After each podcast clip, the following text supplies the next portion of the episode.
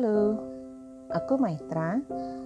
Kali ini aku ingin bercerita tentang pengalamanku di persimpangan, atau lebih tepatnya, waktu aku harus mengambil keputusan jalan hidup mana yang harus aku pilih.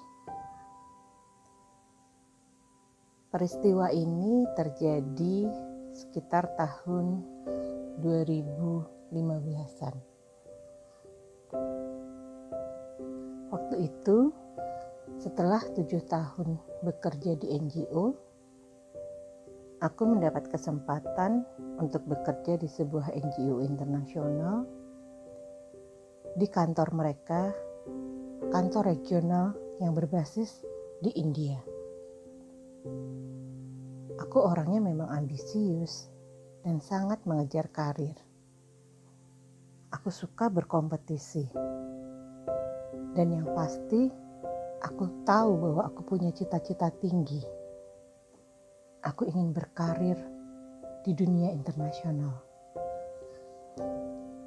Jadi pada saat aku mendapatkan pekerjaan di kantor regional, aku anggap itu adalah batu loncatan untuk menggapai cita-citaku. Pastinya aku sangat bangga. Aku sangat senang. Akan tetapi, ada sisi lain dari pekerjaan itu. Selama tiga tahun bekerja di kantor regional, aku lebih banyak pergi, berkeliling dari satu negara ke negara lain. Ya kira-kira dalam satu bulan, mungkin hanya satu minggu waktuku di rumah. Setelah dari India, aku diterima bekerja di Thailand basisku di Bangkok. Aku berpisah dengan suami dan anakku karena anakku sudah kuliah tingkat akhir dan suami punya pekerjaan sendiri di Jakarta. Makin jarang kami bertemu. Kira-kira dua bulan sekali aku baru bisa kembali ke Jakarta atau mereka yang datang ke Bangkok. Saat itu karirku makin cemerlang. Dan tawaran pun banyak datang. Aku mendapat sebuah tawaran yang sulit ditolak, tapi tawaran itu pun membuat aku harus tinggal lebih lama di Bangkok. Waktu itu aku mempertimbangkan bahwa aku akan terima pekerjaannya. Walaupun dengan resiko harus meninggalkan rumah lebih lama tapi satu peristiwa kecil merubah pikiranku. Kejadian terjadi waktu kami belanja bulanan di pasar swalayan. Seperti biasa, aku memilih coklat untuk suamiku. Lalu suamiku bilang, "Wah, aku sudah gak suka coklat merek itu. Aku sekarang sukanya coklat merek ini." Aku lalu bertanya, sejak kapan kamu ganti merek coklat? Sudah lama, jawab suamiku. Aku terkejut. Wah, ternyata sudah segitu lamanya ya aku pergi dari rumah. Segitu lamanya kami tidak berkumpul bersama. Hingga merek coklat suamiku sudah berubah saja, aku nggak tahu. Kejadian kecil itu membuat aku berpikir soal tawaran pekerjaan yang menanti di Bangkok.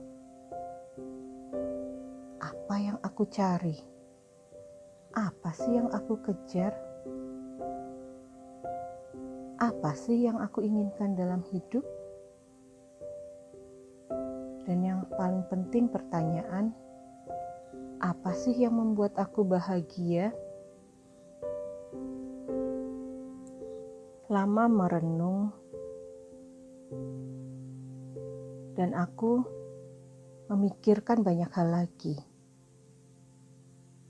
Anakku sudah kuliah tingkat akhir. Sebentar lagi dia akan terbang meninggalkan rumah. Melanjutkan sekolah ke luar negeri seperti yang sudah kami rencanakan sejak lama. Waktu untuk bisa bersama anakku, berkumpul bersama dengan dia, bercerita, bercakap-cakap, tidak akan pernah terulang lagi. Karena setelah itu, dia akan menjadi seorang lelaki dewasa, mungkin punya keluarganya sendiri punya kehidupannya sendiri. Aku merasa aku sangat kurang waktuku untuk anak. Tapi aku juga berpikir, jika aku kembali ke Indonesia, berarti karirku hanya akan mentok sampai di posisi teratas.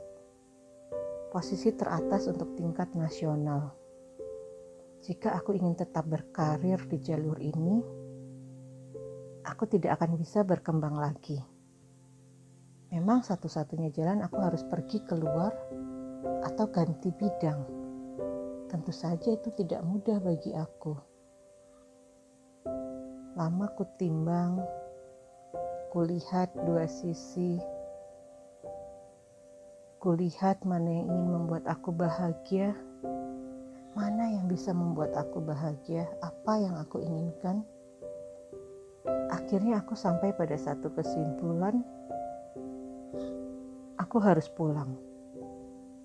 Aku harus kembali memanfaatkan waktu sebaik-baiknya yang tersisa dengan anakku, dengan keluargaku.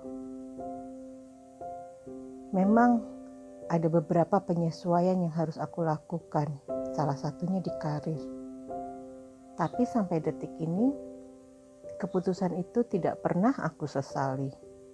Itu adalah keputusan terbaik yang pernah aku buat. Aku sempat merasakan waktu bersama anakku, merasakan quality time yang baik bersama dia, bersama keluargaku. Akhirnya memang dia pergi tetapi hatiku ikhlas melepasnya. Mengenai karir, aku pun tahu bahwa aku sudah sampai di sini. Ternyata berada di posisi ini membuat aku bisa berpikir hal lain yang sebelumnya tidak pernah aku pikirkan. Aku menjadi lebih kreatif dan melihat peluang untuk membuka usaha konsultasiku sendiri. Sesuatu yang mungkin tidak akan terjadi kalau aku mengejar karir hingga ke tingkat regional atau internasional. Jadi, mungkin yang aku bisa bagi adalah pada saat kita berada di persimpangan, lebih baik kembali ke dalam diri, lihat ke diri kita sendiri dan jawab pertanyaan ini. Apa sih yang membuat kita bahagia? Terima kasih sudah mendengarkan.